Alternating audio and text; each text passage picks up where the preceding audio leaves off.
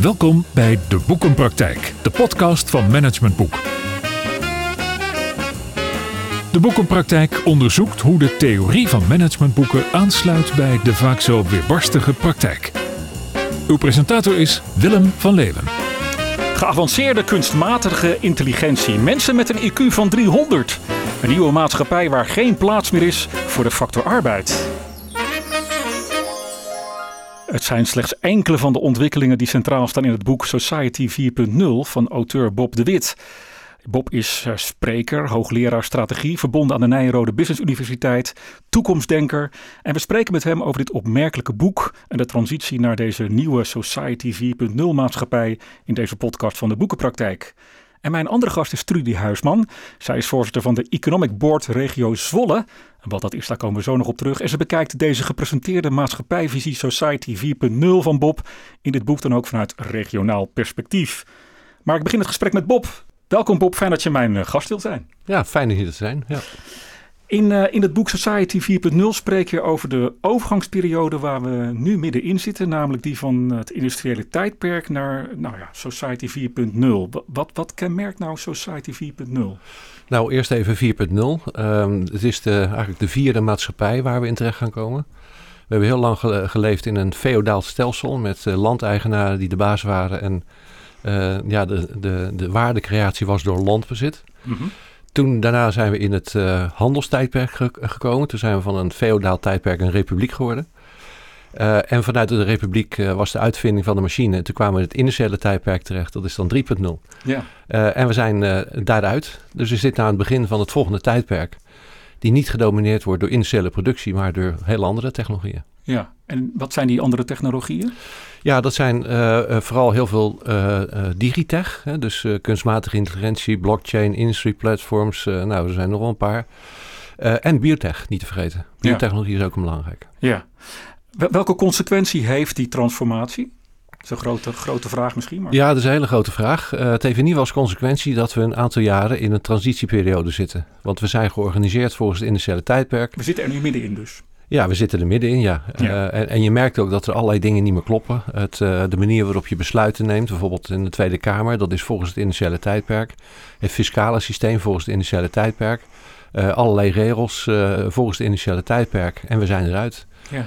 Uh, en we zitten nu aan het begin van een tijdperk die we moeten gaan verkennen en kijken waar het naartoe gaat. En dan, ja, er zijn er verschillende opties en ik bespreek in mijn boek uh, wat dan de opties zijn uh, waar het naartoe gaat. Ja, het is eigenlijk alle patronen waar we nog middenin zitten als maatschappij, hoe onze maatschappij eigenlijk ingedeeld is. begrijp ik goed dat je zegt, dat is nog heel erg conform dat oude industriële tijdperk? Ja, ja er zijn, en het zijn ook hele fundamentele veranderingen die je maakt. Want als je even, even de vorige tijdperk neemt, uh, van, het, uh, van de republiek. Dat was voor handel, hè, dus een handelsrepubliek. Mm -hmm. uh, met de uitvinding van de machine kwamen we in het industriële tijdperk terecht. Nou, toen moesten we af van de regenten en de handelaren die de, die de baas waren, die de economische waarde creëerden. Ja. Naar een, een, samenleving waar machines en, en, en, massaproductie gingen. En toen hebben we ook een aantal jaren gezeten van ja, wat voor soort maatschappij hoort er nou bij? Nou, mm. uiteindelijk. En toen zijn er ook heel veel ja, filosofen, schrijvers, denkers geweest die daarover na gingen nadenken. Nou, dan kregen we dus het socialisme en het kapitalisme en een Leninisme en een Marxisme en een communisme. En dat waren dus allemaal mensen die dachten van ja, hoe moet zo'n samenleving eruit zien? En dat kwam vanwege ja, de twee factoren die daar belangrijk waren, arbeid en kapitaal. Ja. En toen hebben we uiteindelijk een democratie bedacht hè, mm -hmm. om te balanceren tussen arbeid en kapitaal. Uh, dus die hele maatschappij is daarop ingericht. Hè? Dus op een of andere manier kapitaal als basis, hè, kapitalisme. Met daarnaast een uh, politieke besluitvormingsstructuur op links en rechts. Uh, met, met een partijendemocratie. Ja, maar functioneert dat dan nog wel? Want als je eigenlijk zegt dat onze democratie gebaseerd is op de fundamenten arbeid en kapitaal, als ik goed begrijp. Terwijl we veel meer nu naar een digitale maatschappij gaan. Functioneert zo'n systeem dan nog wel? Nee, die functioneert er ook niet meer. Nee. Dus je ziet al uh, bij heel veel mensen een, uh, ja, een onrust ontstaan, uh, maar uit een onderbuik. Hè. Ze weten dat het niet klopt, maar ze kunnen het niet goed benoemen. de gele hesjes. Maar je ziet bijvoorbeeld ook in de Tweede Kamer. Hè. Vroeger kon je gewoon nog op een paar, een paar partijen stemmen. Ja. Ja. de laatste keer waren er 28 partijen. Nou, en die kun je ook niet meer op links en rechts zetten. Nee, Hè, ik bedoel, eh, een partij 50 plus en de dierenpartij en eh, allemaal De boerenpartij. partij eigenlijk, hè? ja, dat zijn, dat, dat kun je niet meer daar plaatsen. In Amsterdam heb je zelfs eh, een partij tegen de scooters. Nou, probeer dat op links en rechts te zetten, weet je. Ja. En dan merk je gewoon dat dat, dat, dat wringt dan. Nou, en de bestaande macht die houdt zo lang mogelijk vol. Mm. En eh, ja, ik ben al een aantal jaren bezig om na te denken hoe die toekomst eruit kan zien. Op basis van die nieuwe factoren. En dat heb ik gedaan in mijn boek. Ja, nou daar gaan we zo meteen eh, wel wat meer over horen, hoop ik. Eerst maar even naar de stellingen, want je zei het al even over Ja. de politieke macht. En dat komt volgens mij terug in de eerste stelling. Ik heb een aantal stellingen voor je en ik wil je vragen om in eerste instantie even met eens of oneens te antwoorden. Dan daarna volgt uiteraard de nuance. Daar komt hij al, de politieke macht. De focus van de politieke macht in Den Haag is per definitie niet gericht op de langere termijn toekomst. En dus is jouw maatschappijvisie daar tegen dovermansoren gericht. Ja. Eens. We komen als samenleving nu net langzaam uit de coronabeperkingen. En moeten dus ons nu eerst focussen op herstel van onze economie. In plaats van dat we ons al bezig gaan houden met nieuwe maatschappijvisies. Oneens. Stelling 3. Er ontstaan steeds meer monopolisten in onze samenleving. En dat is een bedreiging voor de democratie. Eens. En stelling 4. Bezit van de data is macht. En dat bepaalt het politieke landschap in de toekomst. Ja, eens. Onder andere. Kan je dat toelichten? Waarom onder andere? Nou, er zijn meer technologieën die een rol spelen. Mhm. Eh, big data, het is inderdaad, eh, kijk, als je kijkt naar de grootste bedrijven ter wereld, dat zijn allemaal bedrijven die rijk worden door data. Hè. Dus eh, data-eigenaarschap is niet goed geregeld. We hebben het over privacy, maar dat is eigenlijk het vraagstuk niet. Mhm. Eh, als je op Facebook zit, dan geef je al je data gratis weg en zij worden het grootste bedrijf ter wereld. Ja, misschien moeten we daar even naar terug gaan, hè? want anders gaan we iets te snel. Die grote bedrijven, jij noemt dat eh, corporate states volgens mij. Hè? En dat, nou, je was het ook eens met die stelling dat worden, of dat zijn misschien al monopolisten. Ja. Die hebben nu de macht, of kan je daar iets meer over zeggen over die corporate states? Ja, nou, er zijn, eh, ik heb het corporate states genoemd in, in mijn boek. eh, omdat, als ik even ga naar het industriële tijdperk. Daar was het zo, als je als bedrijf ergens zaken wilde doen, dan moest je naar een land toe gaan en je moest je aanpassen aan de wetten van het land. Ja. Maar een aantal van die grote bedrijven, die zijn dus groter dan landen geworden. Mhm. En dan ligt dus de machtsverhouding tussen land, hè, nation state, en die bedrijven, die noemt dan corporate states, die ligt dus anders. Ja. Nou, daar moeten, eh, dat merk je ook, want dat levert allerlei eh, spanning op. Eh, en als je bijvoorbeeld eh, ja, op een social platform, dan moet je voldoen aan hun terms and conditions. Dan gaan zij bepalen wat ze belangrijk vinden. Mhm. En wat is daar erg aan? Want ik kan me voorstellen, even naïef gezegd misschien hoor, dat nou ja, weet je, als burger in Nederland moet ik me een aantal landelijke wetten houden en daar is die politiek dan voor. En voor de rest, nou, kan ik gewoon lekker mijn dienstverlening afnemen bij die grote corporate states. What's the problem? Nou, kijk, die corporate states zijn wereldspelers. Ehm, die bepalen dus ergens, eh, ergens op de wereld hoe ze het gaan doen, overal. Ja. Ehm, sorry.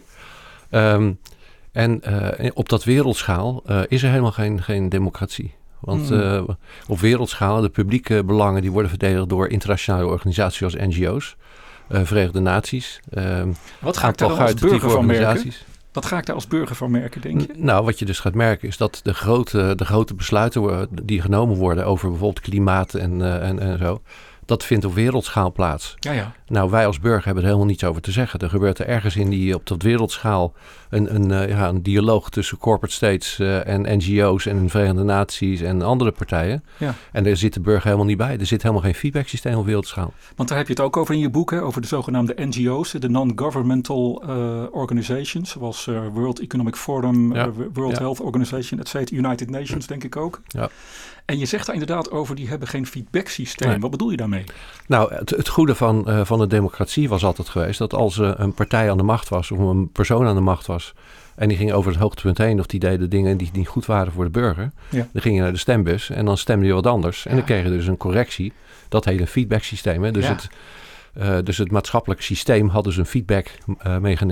Mhm. Op wereldschaal is er geen feedback mechanisme. Als zij iets doen waar we het niet mee eens zijn, nou, dat- daar kunnen we helemaal niks aan doen. En dat is een, ja, het, is een, het is een groep mensen die elkaar overal op dezelfde plekken zien en die maken afspraken.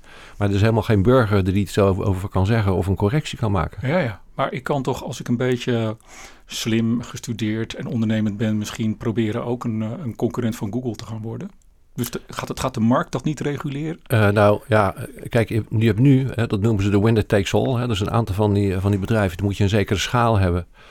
Uh, en vaak kopen ze die kleine concurrenten ook weg. En je ziet dus dat al, eigenlijk al die grote uh, digitech bedrijven die zijn ongeveer monopolisten geworden. Ja. Dus je hebt ook nog een keer geen, geen feedbackmechanisme op, op, op, marktniveau. Ja. Die zijn er ook niet.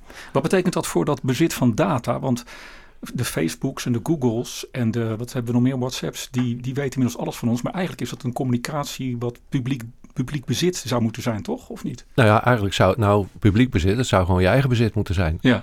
Uh, als je nu op Facebook zit, dan moet je alles gratis weggeven en zij worden rijk. En eigenlijk zou je moeten zeggen, elk persoon, uh, kennelijk zijn data geld waard. Ja, dan ga ik bepalen wat er met die data gebeurt. Er moet er een mm. systeem komen ja. dat als er uh, waarde wordt gecreëerd, dan wordt dat ook eerlijk verdeeld, hè, volgens een bepaalde afspraak. Ja. Die kant zouden we uiteindelijk op moeten gaan. Nou, dat is vaak genoeg gezegd. Dus ja, de regeringen pakken het niet op, hè, dus er wordt eigenlijk niks aan gedaan. Ja, wat moeten we dan nog met die regering eigenlijk? afschaffen. Wauw, oké. We gaan even door nu. Nu wordt het interessant. Ik zit nu ook op het puntje van mijn stoel. Afschaffen. De, de, we schaffen de regering of we schaffen de democratie af? Wat, wat? Nee, nee, niet de democratie af. Ik denk dat het, het niveau. niet? Nee, kijk, het niveau waarop beslo- waar besluiten worden genomen zit er eigenlijk op twee niveaus. Het enige hebben we gehad over op wereldschaal. En daar moeten we eigenlijk nog iets bedenken op wereldschaal. Iets van een democratie, iets van een feedbacksysteem om ervoor te zorgen dat de besluiten daar, die daar genomen worden in het belang zijn van, van burgers. Ja. En niet in het belang van, uh, van een paar van die bedrijven en uh, een paar andere individuen. Maar hoe doen we dat? Hoe, uh, hoe schaffen we het af? Uh, nou, Moet in opstand komen? Nou, het, het, laten we eerst even afmaken, want ja, dat is de ene kant. Hè, dus op wereldschaal, uh, dus daar vinden ja. de grote besluiten plaats. En dat is niet geregeld, daar moeten we iets voor doen. En tegelijkertijd zie je dat al die technologieën maken het mogelijk om op regionale schaal te gaan opereren. Uh, kijk, waarom hebben we nu landen? Omdat je in een uh, industriële tijdperk heb je uh, een, een, zekere omvang nodig voor die fabrieken. Hè? Dus het, uh, en daardoor waren landen belangrijk. Je kon besluiten nemen op landniveau en later Europa-niveau. Ja. En dan moest nog iets groter. Ja. maar dat was het niveau waarop de belangrijke strategische besluiten werden genomen. Nou, een aantal van die besluiten zijn naar boven gegaan op wereldschaal. En de andere kant is het regionaal niveau. Want in feite alles, hè, met, ook met technologieën zoals 3D-printing en... en en, en kweekvlees. En uh, er zijn heel veel nieuwe ontwikkelingen. Um, mm. Die kun je allemaal op regionaal schaal kun je dat organiseren. Ja. En, en er kan steeds meer. Je kan steeds meer printen. Je kan ook scheepsschroeven uitprinten. Je kunt huizen uitprinten. Je kunt tegenwoordig auto's uitprinten. Ja. Je kunt, uh, en je kunt, dus je kunt en, en energie opwekken moet je eigenlijk ook weer regionaal gaan doen. Ja. Nou, dan, dan moet je eigenlijk op regionaal moet je het zo organiseren dat alles wat mensen nodig hebben, dat je het daar organiseert. En daar moet je dus ook iets van een uh, van een feedbacksysteem, van iets van een democratie van maken. Nou, uh, met een blockchain-technologie is het ook mogelijk om directe democratie te doen. Dus ik zie die partijen-democratie, hè, waar we, die we nog steeds hebben, Mhm. dat zie ik als, als iets van de, van, uh, van de afgelopen tijd, van het initiële tijdperk. En nu hebben we, zowel technologisch, uh, hebben we de mogelijkheid. Als qua waardecreatie, om dat gewoon op regionale schaal directe democratie te gaan maken. Nou, een mooie bruggetje, Bob, kunnen we natuurlijk niet maken naar uh, Trudy Huisman, onze andere gast. Want als we praten over, laten we zeggen, de kracht van de regio. En misschien wel terug naar de regionale democratie, als ik hem zo even, zo even mag samenvatten.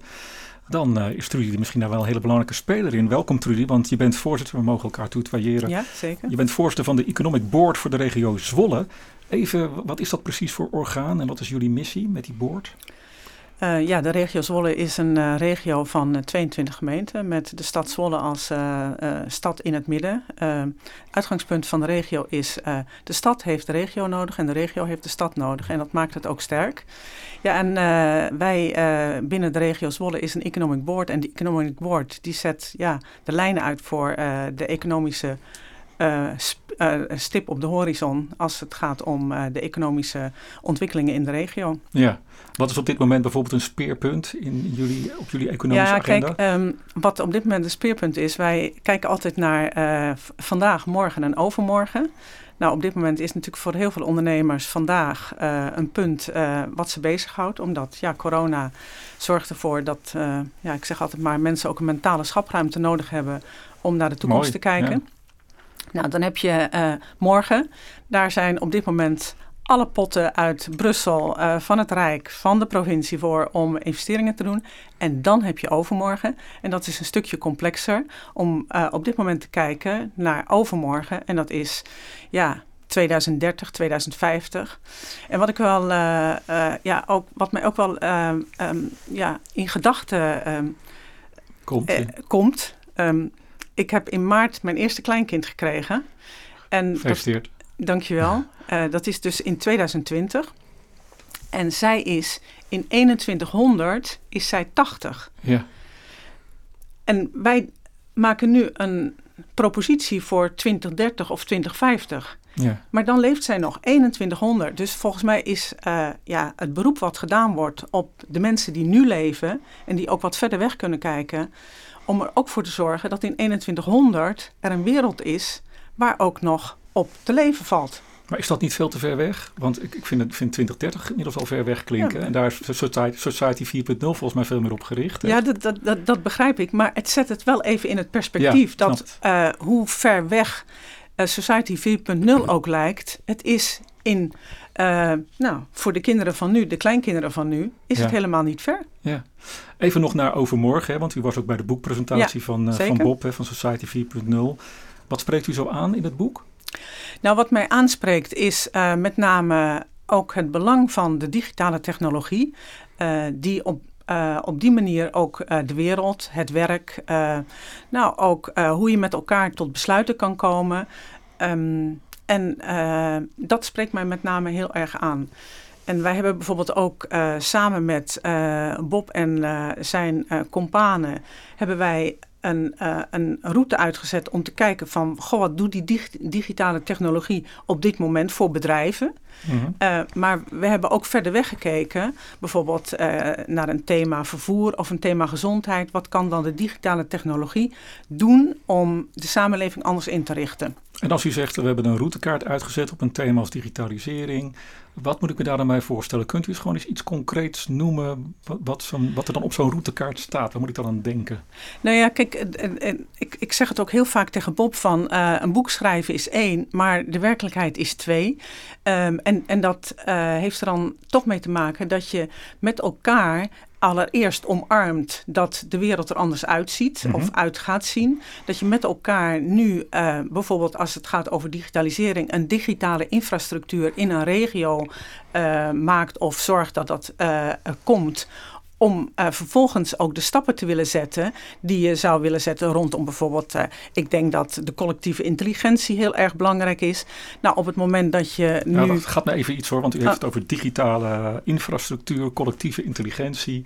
Kunt u iets concreter zijn? Wat, wat, wat, wat, wat bent u dan aan het ontwerpen in samenspraak met het bedrijf van Bob? Nou, kijk, kijk uh, op het moment dat er bijvoorbeeld geen glasvezel in, uh, de, in de regio ligt of op een aantal plekken in de regio, dan hoef je ook niet na te denken over het gebruik van de digitale technologie mm -hmm. uh, rondom bijvoorbeeld gezondheid. in Zwolle zit een groot ziekenhuis. Nou, die willen dus zorg op afstand. Op het moment dat, de, dat er geen goede infrastructuur is, komt dat gewoon niet tot stand. -hmm. Nou, dus daar zorgt in ieder geval de Economic Board voor dat dat gesprek op gang komt, maar ook dat er investeringen gedaan worden, uh, zo, zo, zodat je in de toekomst daar ook profijt van hebt. Ja, oké.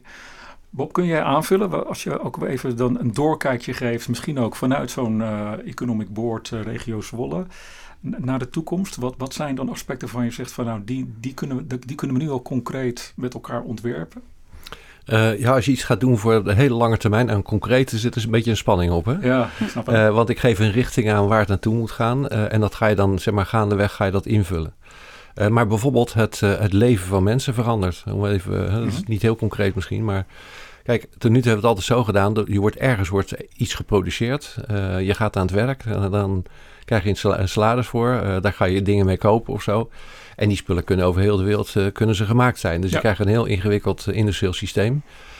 Um, maar je kunt met uh, heel veel technologieën kun je ook decentraal gaan produceren. Bijvoorbeeld, je gaat zelf energie produceren met je dak. je gaat zelf met groen eromheen ga je eigen boerderij maken voor je, voor je eigen regio. Dat zijn we al aan het doen, toch? Ja, dat, je ziet dus een aantal van dat soort trends zie je, dan, zie je dan komen. Maar dan, dan zeggen we nou eigenlijk op regionaal niveau moet je helemaal autonoom kunnen zijn. Mm. Eigenlijk het meeste wat je, wat je nodig hebt, wat je burgers nodig hebt, uh, kun, je, kun je zelf kun je dat hebben. En je moet zoveel mogelijk de burgers ook bij betrekken. Uh, omdat mensen, uh, de, de, toekomst van werk is, is niet. dus de toekomst van betaald werk moeten we echt wel even opnieuw gaan bekijken. Ja. dat betekent dat uh, dat het hele initiële model van je gaat werken, betaal belasting uh, en koop spulletjes of zo, dat moet je helemaal opnieuw gaan doen. Ja. Dus dan maak je uh, nu een aantal plekken waarbij integraal leven, hè, dus niet alleen maar wonen of werken, maar integraal leven gaat maken. Ja. Het grappige is dat nou, met Zwolle zijn we daarmee bezig, maar er zijn heel veel regio's die zijn geïnspireerd geraakt door mijn boek om op die manier te gaan denken. Mm Westland bijvoorbeeld, hè, daar zijn ze mee bezig, en, en Drenthe zijn we bezig, en Flevoland in gesprek. Uh, maar bijvoorbeeld ook in Spanje en ook in Costa Rica uh, en in Kenia. En, en je ziet gewoon dat daar helemaal opnieuw gedacht moet worden. En met name in Spanje zijn er een paar, een paar plekken waar mensen zeggen van nou, ik heb hier gewoon een heel groot grond van ongeveer 50 bij 50 kilometer. Nou, dat is ongeveer wat je in een regio nodig hebt. En dan begin je eigenlijk met een blanco vel papier. Dan ga je opnieuw een samen, samenleving ga je maken met alle, alle aspecten die ervoor nodig zijn. Beetje zelfvoorzienend regionale samenleving. Ja, ja, ja, zeker. Klinkt ook wel een beetje kneuterig, of niet? Ik bedoel, we hebben het aan de ene kant hebben we het over de, de impact, de globalisering en de impact van de grote reuzen, noem ik het nu maar even, hè, de corporate states. Ja. En dan is een van de oplossingen, laten we vooral zelfvoorzienende regio's gaan. Ja, dus, dus voor de basisdingen, dat, dat kun je op regionaal schaal gaan doen. Mm uh, en daarnaast uh, ben je natuurlijk ook wereldwijd bezig. Hè? Dus de, de, burger wordt wat ik dan noem local. Hè? Ja. Lokaal, maar ook global. Ja. Um, en die combinatie is uh, de combinatie van de toekomst. En kun je daar nog iets over zeggen? Hoe kun je als burger ook meer local worden? Dus niet alleen local, maar ook global. Heb ik invloed op, op bijvoorbeeld, nou ja, um, heb ik een globaliserende invloed, laat ik het zo zeggen, als burger? Nou, je ziet steeds meer dat er, dat er globale um, samenwerking gaan ontstaan. En dat zag je met mijn boek ook al. Mm dan gaan er gewoon uh, samenwerking ontstaan tussen mensen die hier zitten van alles. Maar ja, uh, er zitten ook mensen in Costa Rica en die zijn, zitten helemaal op mijn lijn. Die hebben dat gelezen en, en daar praat je dan mee. dus, ja. dus enerzijds zit je, zit je op je lokale niveau voor je basisvoorzieningen. Dus niks uh, kneuterigs aan. Ik bedoel, ja, wat is nou kneuterigs aan, aan energie? Ik bedoel, nee. hè, dat ga je gewoon doen. Uh, maar, maar als je bepaalde um, hobby's hebt, of bepaalde voorkeur, bepaalde interesses hebt of zo, ja, dan zit je tegelijkertijd op wereldschaal. Ja, ja. Even terug naar, uh, naar mevrouw Huisman, naar Trudy. Um, nou, u zei het al, een aantal gebieden, uh, veiligheid had u het over, digitalisering, uh, bent u heel nadrukkelijk bezig in samenspraak met Bob. Hè. Er zijn wat tafels waar geëxploreerd wordt, heb ik begrepen in een voorgesprek. Ja. Dus dan zijn we flink aan het brainstormen. ja, en dan? Ja, en dan, ja, dat is natuurlijk ook wel uh, de vraag. Uh, kijk, ik, ik zeg helemaal niet dat het eenvoudig is hoor, omdat uh, een vergezicht maken is eenvoudiger dan een vergezicht realiseren. want we hebben natuurlijk toch te maken met de bestaande structuren. Maar op het moment dat je zo'n vergezicht niet maakt of niet hebt, dan, dan komt het er zeker niet van. Als je bijvoorbeeld kijkt naar het thema wonen, dat hebben we ook uh, nou, met elkaar geëxploreerd, zoals het heet. En wat je natuurlijk op dit moment in uh, de woningmarkt ziet, is dat iedereen roept dat we een miljoen huizen tekort hebben. En er wordt alleen maar gezegd bouwen, bouwen, bouwen. En uh, je kan er ook anders naar kijken van is het nodig om nog een huis te bezitten? Hmm. Uh, is het nodig om uh, een huis van de omvang zoals we dat nu uh, ervaren nog te bezitten? kan dat veel flexibeler? kan je ook nadenken over um, nou ja, flexibel bouwen in compartimenten ja. in de verschillende levensfasen? Ja. Nou, het antwoord op al die vragen is ja, dat kan allemaal ja. volgens mij. Hè? Dat is denk ik ook wel een beetje het nieuwe tijdperk waar volgens mij ook veel millennials al in zitten qua denken. En dan? Ja, en, en dan gaat het er ook om om de kracht van die millennials te gebruiken uh, om ook uh, daadwerkelijk uh, stappen te zetten om het te realiseren. En wat ik net noemde, de collectieve intelligentie of de intelligentie van de swarm. Kijk, vroeger was dat niet of nauwelijks mogelijk om die intelligentie boven water te halen. Mm -hmm. Maar op dit moment, ook door de digitale technologie, kun je de kennis en kunde van millennials naar boven wat vragen zij nou? Wat willen zij nou ja. voor hun toekomstig leven in wonen en werken? Dus um, ik, ik denk dat we nu ook zitten in een fase om uh, vanuit dat perspectief van de toekomst te kijken. En wat is er dan nu nodig uh, om dat ook uh, in kleine stapjes voor elkaar te krijgen?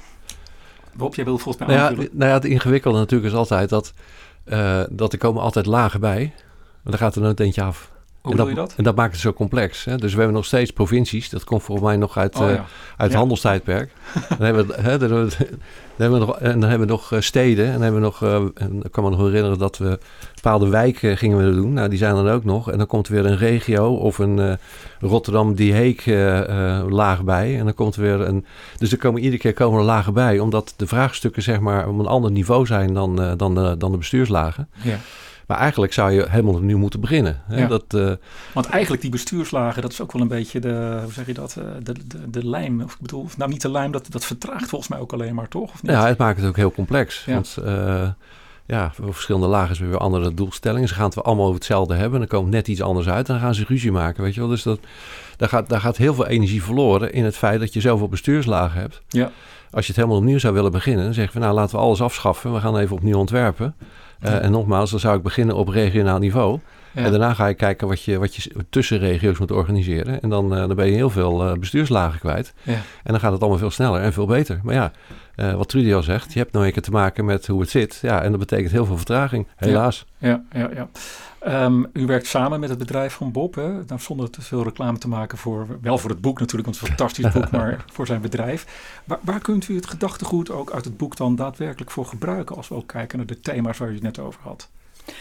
Nou, waar we het in ieder geval voor kunnen gebruiken om uh, de, stap, uh, de, de, stappen die we moeten zetten om uh, naar overmorgen te komen met elkaar helder en inzichtelijk te maken. En ja, het, ik zeg altijd maar, het begint met bewustzijn. Op het moment dat mensen zich er niet van bewust zijn, ja, dan gebeurt er zeker niks. En ja, ik ik werk zelf altijd met de schaal van onbewust onbekwaam naar onbewust bekwaam. Mm -hmm. En uh, nou, als je daar bent, dan, dan gaat er ook iets gebeuren. En dan kun je ook mensen mobiliseren. En dan kun je met name ook jonge mensen mobiliseren om ook aan de slag daarmee te gaan en hun verantwoordelijkheid te nemen. Ja, we zitten nu uh, in een podcast uh, te praten natuurlijk naar aanleiding van het boek.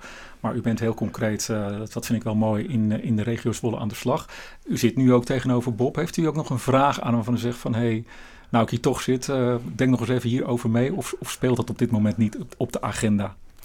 Nou, zeker. Kijk, we hebben, onlangs hebben wij uh, samen met Bob drie thema's. Uh, wonen, vervoer, dus mobiliteit en uh, gezondheid geëxploreerd. Ja, en waar ik dan echt wel heel erg benieuwd naar ben, rondom bijvoorbeeld zo'n thema wonen. Wat is nou next step om te zetten om een, een, stap verder te komen? Ja, want u heeft in die exploratie, hè, taal te veel plat, een soort brainstorm. Heeft u al die vragen die u net noemde ook verkend? Met, met wie eigenlijk doet u dat? Met uh, een, een, grote groep uh, mensen uit de regio, uh, waarvan wij dachten van... Die ook burgers gewoon uit de samenleving? Ja, burgers uit de samenleving die niet blauw denken, maar geel denken... en een beetje out of the box kunnen denken. Ja. Daarmee hebben we dat gedaan. Nou, er komen hele mooie ideeën uit. En dan is eigenlijk uw vraag aan Bob, en, en dan of zo? Wat is dan, de next step? Ja. ja. Ja, om even aan te haken met wat je zegt, uh, wat ik dan over het boek hoor, zijn eigenlijk, altijd twee dingen. Eén uh, is, het maakt heel veel verschillende soorten ontwikkelingen, brengt het bij elkaar. Hè. Ze zeggen van alle puzzelstukjes die worden nu aan elkaar gezet. Het lijkt allemaal dingen die niet met elkaar verbonden zijn, maar ik, maar ik leg uit waar het door komt. Dus het grote plaatje. Dat geeft veel inzicht. Uh, dat geeft ook vertrouwen in uh, wat, wat er gaande is. Mm -hmm. En vervolgens schets ik ook zeg maar, een nieuw toekomstbeeld, hoe het eruit zou kunnen zien. Ja. Um, nou, het is mooi dat, uh, dat Zwolle het oppakt en regio's. Maar wat er ook veel gebeurt, is dat jongeren, die voelen natuurlijk ook al een tijdje aan dat er iets niet klopt. Ja. dus ik krijg ook heel veel uitnodigingen voor podcast. eergisteren een college. Dan? Kan je even iets zeggen over dat toekomstbeeld? Nou, wat ik mee wil zeggen is van uh, als, je, uh, als je zelf al in die bestuurslagen zit, dan, uh, dan kun je wel de doelstellingen hebben om te gaan exploreren. En, je, en, met alle goede bedoelingen ga je het anders willen doen. Maar dat is moeilijk, omdat je zoveel verleden meesleept. Ja. Ja. En op het moment dat je jongeren zeg maar gemotiveerd worden en geenthousiasmeerd worden, en zij gaan zich bemoeien. En je gaat er ook met die jongeren ga je iets toekomst maken. Die, trekken, die slepen dat verleden niet meer. Mm. En, en, als je daar de dialoog kunt maken tussen, tussen de bestaande uh, generatie en de, en de toekomstige uh, generatie. Um, ja, dan kun je echt iets nieuws gaan doen. En zo zijn er bijvoorbeeld een aantal scholen. Die hebben het boek geadopteerd. Daar was het helemaal niet voor geschreven geadopteerd van, uh, om een lesprogramma te maken. Ja. En die kinderen die gaan dan uh, denken en schrijven en, en, en tekenen en zo. zo hoe die panels en kindpanels. Hoe die ja. wereld eruit gaat zien. Uh, en, en als ze dat klaar hebben, dan gaan ze dat mee presenteren. Nou ja, kijk, dat is natuurlijk prachtig, want dan mobiliseer je dat. Nou, dus, uh, dus het en dat snap ik wel, maar mevrouw Huisman die staat, ik ga nu gewoon mevrouw Huisman zeggen, die staat nu voor toch wel die next step. Hè. Ze heeft eigenlijk die exploratie al min of meer gedaan ten aanzien van zo'n thema als wonen. En dan? Heb je daar nog een, een, suggestie voor wat je dan kunt doen? Dus er liggen al allerlei vergezichten of ideeën. Nou ja, daar zijn we natuurlijk nog mee bezig om dat, uh, om dat te maken, dat mhm. exploreren. En een next step zou kunnen zijn van uh, dat je dan gaat vertalen wat is er voor nodig om daar te komen. Uh, dat zou bijvoorbeeld kunnen zijn uh, een bestuurslaag afschaffen. Okay. of directe democratie invoeren. Ja. Of weet je, dat, er staan in mijn boek voldoende aanknopingspunten wat je zou moeten doen. Wat kan heel rigoureus ook zijn hè, in, in systeemtermen gezien eigenlijk. nou ja, goed. Eh, dat, we zitten ook in een tijd waar op enig moment fundamentele besluiten genomen moeten worden. Ja. Dat was ook tussen het handelstijdperk en, en, eh, en de democratie. Ja. ja, er moest op een gegeven moment moest de democratie ingevoerd worden. Uh, de regenten hadden het niet meer voor het zeggen. Dat zijn hele fundamentele keuzes. Ja. Uh, dus die gaan vroeg of laat gaan die komen. Ja. Nou ja, kijk, en wat je natuurlijk ook wel ziet is um, dat er op dit moment heel veel uh, regels en wetten zijn die zijn gebaseerd op uh, nou ja, de, het verleden. En wat natuurlijk mooi, zou, uh, mooi is als je met zo'n exploratiesessie rondom wonen ook nou, degene die dan aan de bestuursknoppen zitten kan overtuigen om ook experimenten toe te laten, zodat je ook kan uh, zien van wat uh, nieuwe vormen van wonen doen met een samenleving en met mensen en met een community. Ja. Um, en dat kan ook een volgende stap zijn. Ja, oké. dus dan, pra dan praat je echt over initiatieven waarbij je de huidige macht als het ware overtuigt dat ze een, een toegevoegde waarde hebben voor ons welzijn en welvaart.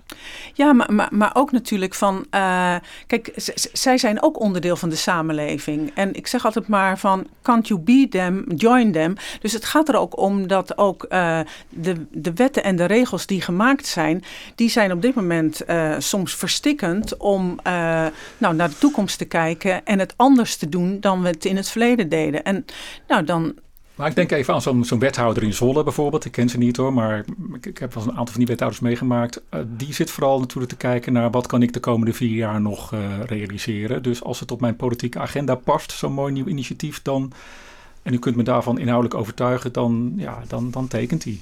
Nou, het is, het is wel grappig uh, wat, je, wat je zegt, want ik denk dat het in de regio Zwolle wel iets anders uh, ligt. Want we hebben uh, gisteren, of vandaag is dat eigenlijk, aan het kabinet aangeboden.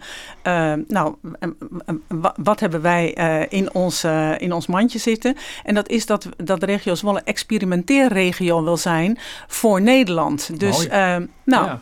Uh, ja. ja. volgens mij moet, uh, moeten er dit soort initiatieven juist uh, in de regio Zwolle nou, een plek krijgen. Ja. En vervolgens kijken van, nou kun je daar ook een voorbeeld voor zijn voor de rest van Nederland. Ja, ja mooi. Ik wil ook nog even naar jou als persoon, Bob, als het mag. Want wat is nou je roeping met dit boek? Hè? Want je, je schetst een, een, een, een maatschappijvisie. Overigens zeer gefundeerd, hè, want je, je schetst ook het verleden waar we vandaan komen, Society 1.0. Je hebt het in het begin van de podcast al verteld. Ja, en dan, dan geef je mij een vergezicht. waarom, wat, wat maakt dat jij die toekomst zo interessant vindt? Wat is jouw, jouw, jouw missie daarachter? Nou, waarom ik het interessant vind, is omdat het mijn vak is. Hè? Dus dat begint het mee. Hè? Dus, maar waarom heb je voor dit dus vak gekozen dan, zeg maar? ja, nou, dat is, een, dat is een hele lange weg geweest. Want uh, uh, ja, kijk, het hoogste wat je kan worden is jezelf. Hè? Dus ben ik al een tijdje mee bezig geweest. Uh, om erachter te komen, allerlei studies gedaan enzovoort. En, hmm. En op een gegeven moment kwam ik erachter dat ik eigenlijk in essentie een academisch visionair ben, zoals, eh, zoals sommige mensen dat noemen. Ja. Uh, en uh, dat ik, ik kan de toekomst in kijken. Er zijn een paar, uh, paar dingen voor nodig om dat goed te kunnen.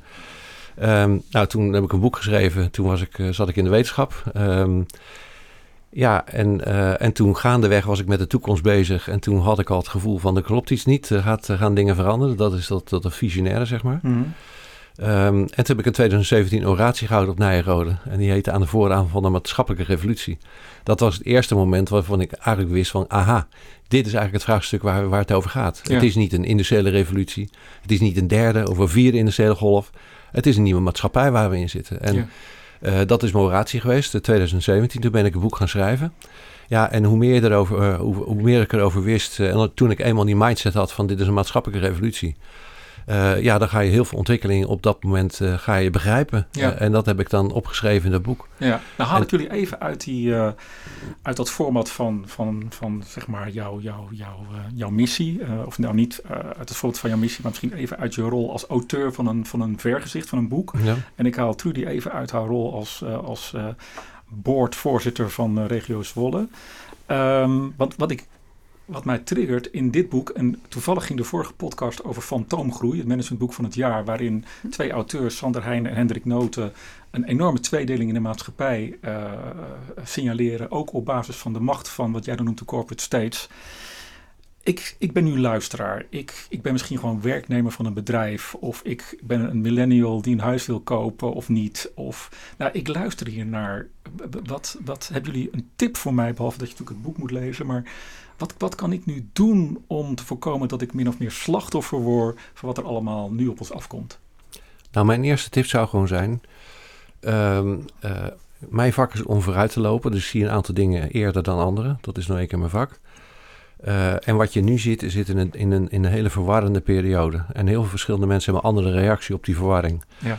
Uh, sommige mensen die aanvaarden het en die kijken om zich heen. Maar je hebt ook mensen die willen het nog niet zien. Je hebt mensen die worden angstig en, uh, en, en, die kruipen in hun schulp. Ja. en dus ik zou zeggen van wees open. Hè? Of je het nou leuk vindt of niet. We zitten gewoon in een maatschappelijke revolutie. Die komt er eens in een paar honderd jaar voor. Ja. Wees daar trots op dat je er onderdeel van mag zijn. Van, van wat, het gaat de geschiedenisboeken halen. Ja. Uh, stel je er open voor. Laat je inspireren. Niet alleen door mij, ook, maar ook door anderen. Mhm. En kijk hoe je er zelf aan kan bijdragen. Ja. En in feite, juist omdat het uh, de schaal regionaal is kom je juist dichter bij je burger terecht. Dus het geeft ook meer macht en, en mogelijkheid voor de burger uh, om hun eigen toekomst te maken.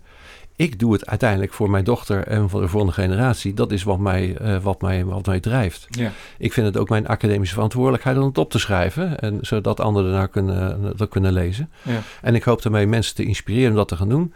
Het is op regionaal niveau, dus iedereen kan eraan bijdragen. Mooi. Pak het op. Ja. Dankjewel, heel inspirerend wat je zegt. En uh, sowieso het boek uh, wat je hebt opgeschreven vind ik ook super inspirerend. Trudy, heb jij nog een tip voor die, voor die luisteraar die misschien niet in de regio Zwolle woont? Uh, jazeker. Uh, ik zou zeggen, sta op. Uh, en begin, ga aan de slag. verander de wereld. Begin bij jezelf. En dat vind ik ook wel mooi, want tijdens de presentatie van het boek van Bob op Nijenrode, Mhm. daar was ook een inwoner van de gemeente Stadshagen. En die vertelde tegen mij in de afterpraat. Trudy, wat jij daar nu zegt, dat doen wij al in Stadshagen. Wij hebben een community rondom energie. Wij hebben een community rondom zelfvoorziening. Uh, wij hebben een community rondom uh, gezondheid. Uh, dus het kan ook op kleine schaal. En ik denk dan van spread the word, ja. spread het verhaal. En nou, dan komt Ja. het vast wel goed. Ja. Het, het mooie is, als ik er mag reageren, Ja. dit is nou precies hoe ik tot zo'n visie ben gekomen. Hè, als eh, als, als eh, visionair of als stratege, zeg maar, wat je doet, zijn twee dingen. Je analyseert het verleden, je haalt er een grote lijn uit, hè, de grote wetten eruit. En de andere is, je hebt een, een zekere gevoeligheid voor weak signals, voor zwakke signalen. Ja. Dus je ziet overal dingen gebeuren eh, en dan kijk je niet overheen, maar je gaat je erop op, eh, op concentreren. Dus in die enorme overvloed aan informatie die er is, moet je net die dingen eruit halen waarvan je herkent, dat maakt de toekomst. Ja. Nou, en dit zijn die initiatieven waar je kent van, hm, hey, kijk wat hier gebeurt. Hm, kijk eens wat daar gebeurt. Hm, kijk eens wat daar gebeurt. Daar ga je daar patronen in herkennen. Ja. En zo komt dat grote patroon naar voren. Ja, ik zou nog wel een uur door kunnen gaan. Want ik zit hier tegenover twee zeer inspirerende gasten. die eh, niet alleen maar een, een visie eh, hanteren waar ze helemaal achter staan. maar die het ook gewoon. die die beweging in de maatschappij, eh, zeg maar. Mag ik er nog één ding aan toevoegen? Of, Ja, of, tuurlijk of is dat heel vervelend? Nee, ik vind het alleen maar Nou, leuk. nou, kijk, één mooi voorbeeld is namelijk, want je had het over coöperatie. Eh er is een technologie die het ook mogelijk maakt om die wisdom of the crowd te vangen. Dat is de, de blockchain technologie. Ja. Dus je kunt op regionale schaal, kun je, dus een, eh, kun je op een blockchain technologie, kun je zowel een, eh, een, eh, een directe democratie organiseren. maar wat je ook kunt doen, is een lokale economie gaan faciliteren met regionaal geld. Mhm. Ehm, wat je dan voor, voor moet zorgen, en dat is echt een afwijking van het huidige model, daar hebben we het net over gehad. Ja. Dat is, je kunt het zo organiseren dat niemand eigenaar is. En wat er nu namelijk gebeurt met heel veel van die techbedrijven, die maken hoe, wel hoe doe je dat dan?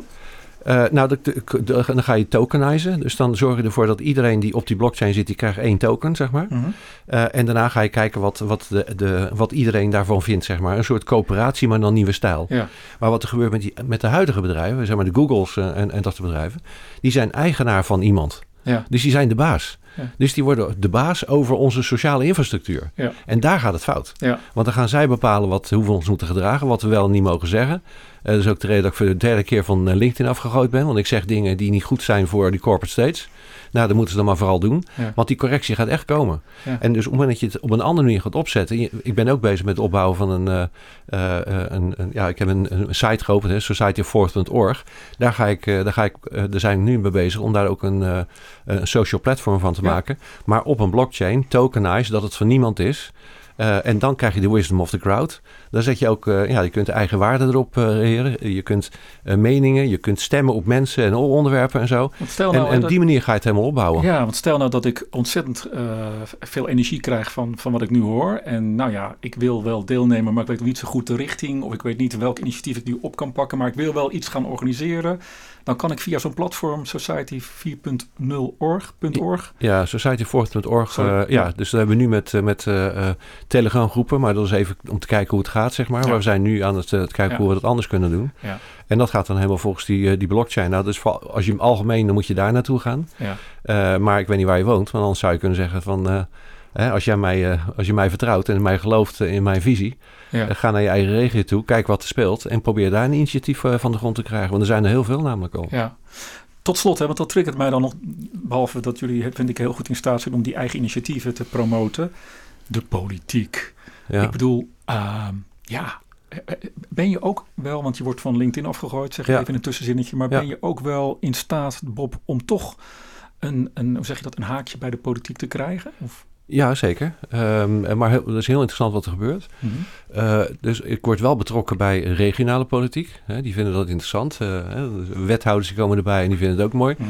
Die vinden het ook wel prachtig. Van ja, nu gaat de macht die komt bij de regio te liggen. Dus die, ja, die hoef je niet te enthousiasmeren. Dat zijn ze zelf al. Ja. Um, uh, dus dat gaat vanzelf. Dan zie je ook dat de jongere verenigingen van de politieke partijen, die vragen me ook. Aha die ook, want die zitten ook denken, hm, het gaat volgens mij een beetje anders lopen. Dus die zie je ook bewegen. Zit ook nog niet op het plus natuurlijk. Hè? Dus, nee, maar kijk, het, het hele niveau van, van Den Haag is gewoon overbodig. Uh, en het is altijd zo geweest dat als je naar een ander tijd, uh, tijdperk gaat, en naar bijvoorbeeld het feodale tijdperk naar de republiek, ja. iedereen zag dat het anders moest. Want ja. ja. de handel had een grotere economische waarde dan, dan landbezit. Dus mensen die stonden al op en die wilden een andere maatschappij gaan maken. De laatste die zagen dat het moest veranderen. En de laatste die het belang bij hadden, waren die landeigenaren. Ja. Dus die hebben tot het laatst hebben ze, hebben ze geprobeerd om het tegen te houden. En, maar dat gaat natuurlijk nu weer gebeuren. Ja, nu ook. Even een soort vergezicht. Stel dat al die lokale of regionale initiatieven gaan komen, dan gaat die landelijke politiek proberen aan de touwtjes te trekken. Maar zo precies wat, wat er gebeurt. Ja. En dat niet alleen in Nederland, dat is overal zo. Dat zie je in Amerika ook. Ja. Daar zie je ook een regionalisering. En, en wat gaan ze dan doen? Zegt de centrale bank van... we moeten alle lokale munten moeten we gaan verbieden. Ja, mm. waarom? Ja, omdat ze weten dat, dat, dat het daar naartoe gaat en dat ze dan overbodig worden. Ja. En dat is in Nederland ook. Den Haag is eigenlijk overbodig. Dus we moeten gewoon een heel ander uh, economisch of, een uh, democratisch systeem gaan maken. Regionaal gaan doen. Daar ga, je het, uh, de, ga je de wisdom of the crowd. Dan doe je wat in de regio belangrijk is. Een of ander coördinerend systeem om, nou, als je, als je Nederland wil houden, nou prima. Maar dan moet je een of ander coördinerend systeem maken of zo. Maar hoe meer zeg maar de, de, ja, de besluitvorm bij Den Haag weg wordt gehaald, omdat ze steeds minder te zeggen hebben. en ook in Europa overigens, dat is precies hetzelfde. Hoe harder ze gaan lopen schreven. Hmm. Nou, en je ziet wat een, wat, een, wat een toneel het is op dit moment in Den Haag. Ik bedoel, daar kun je geen land mee besturen. En dat komt omdat ze zo lang mogelijk vasthouden aan een positie die ze al lang niet meer hebben. Nou, denk dat we het hierbij moeten laten, Bob. Dankjewel, uh, Trudy Huisman en uh, Bob uh, de Wit. Naar aanleiding allemaal van het boek natuurlijk Society 4.0, wat uiteraard via managementboek.nl te krijgen is. Ik wil jullie hartelijk danken voor ja, ik vond het weer een hele inspirerende deelname en inbreng aan deze podcast. We hebben een gefundeerde doorkijk gekregen in onze nabije toekomstige samenleving, wat mij betreft, waarbij het woordje regionaal toch wel blijft hangen.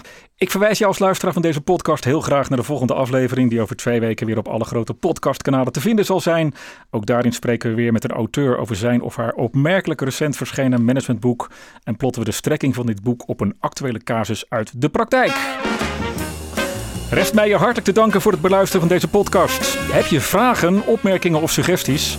Van harte welkom via info.managementboek.nl Tot zover de praktijk van boeken. Kijk voor meer afleveringen of een abonnement op de boekenpraktijk op managementboek.nl/slash podcast. Je vindt ons ook op Spotify, Apple Podcast, Google Podcast en Soundcloud. Hartelijk dank voor het luisteren en graag tot de volgende podcast.